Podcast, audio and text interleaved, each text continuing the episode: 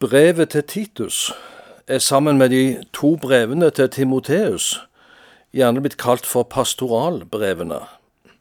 De er skrevet til to av Paulus sine medarbeidere, som hadde pastoransvar for hver sine menigheter.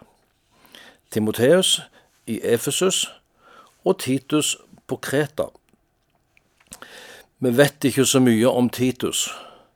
Apostlenes gjerninger sier faktisk ingenting om han, selv om han var en av Paulus sine nære medarbeidere.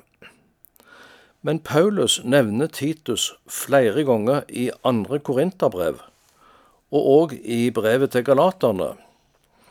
For eksempel i Galaterne kapittel to så forteller Paulus at han dro fra Antiokia og opp til Jerusalem for å møte apostlene. Et møte som også omtales i apostelgjerningene kapittel 15.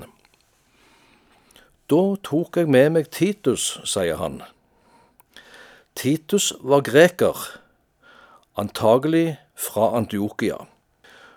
Og det er sannsynlig at Paulus var den som fikk hjelpe Titus til tro.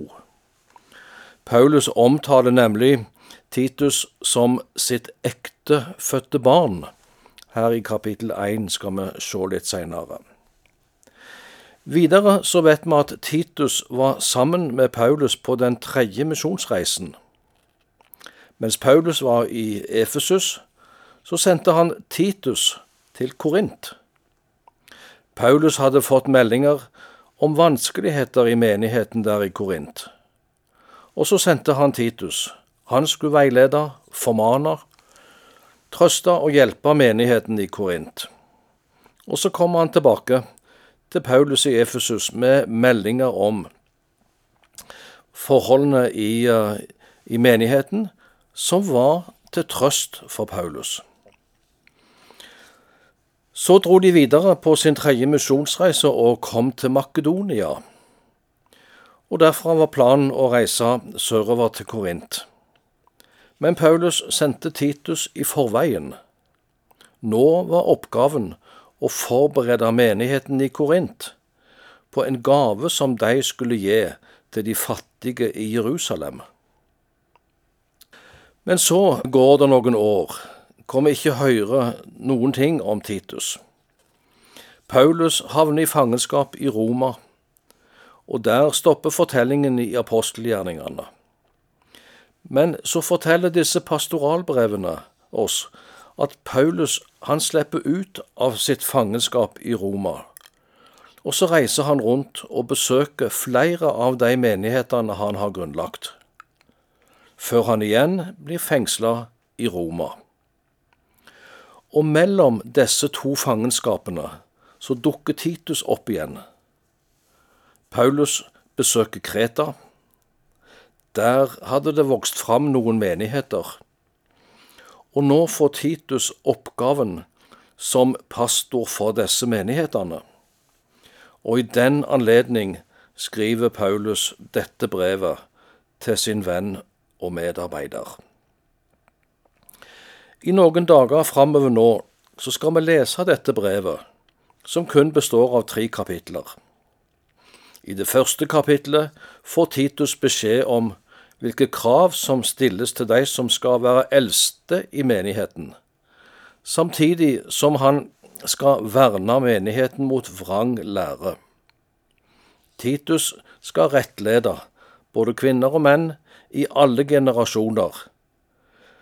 Det handler kapittel to om, som har fokus på de kristne sin livsførsel i det samfunn de lever i.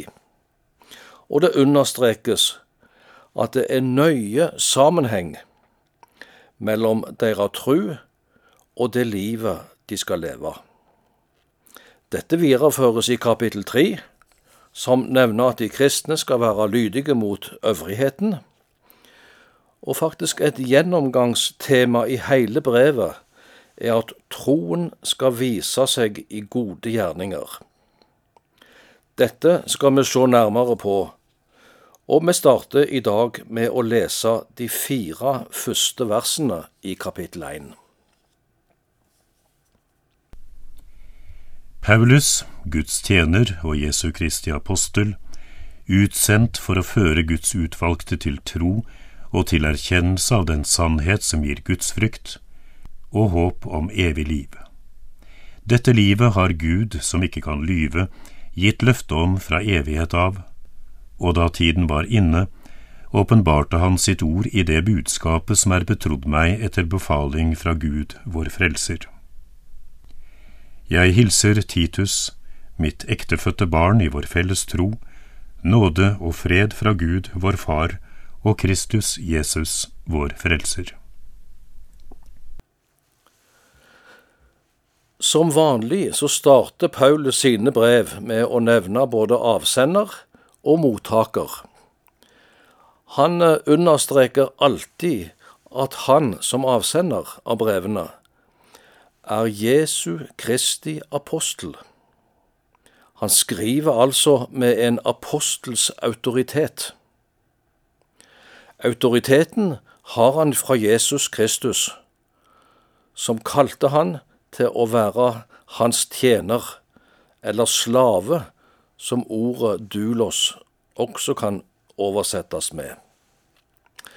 Så fortsetter Paulus å beskrive det oppdraget han har fått, med følgende ord. Utsendt til å føre Guds utvalgte til tro og til erkjennelse av den sannhet som gir Guds frykt og håp om evig liv. Budskapet om denne sannhet hadde blitt åpenbart for Paulus. Han ble betrodd et budskap som han var utsendt for å forkynne. Et budskap som ville skape tro der hvor det ble tatt imot. Et budskap om evig liv. Et budskap om håp. Og mottakeren av brevet er altså Titus, som nå var på Kreta. Vi vet at Paulus var så vidt innom Kreta da han ble ført som fange fra Jerusalem til Roma. Det kan du lese mer om i apostelgjerningene kapittel 27. Men hvordan evangeliet ble kjent på Kreta, vet vi ikke. Men vi vet at allerede på pinsedag var det folk fra Kreta til stede i Jerusalem som var vitne til pinseunderet, og som hørte Peters tale. Av de 3000 som ble døpt første pinsedag, var det sannsynligvis også noen grekere som tok evangeliet med seg hjem til Kreta.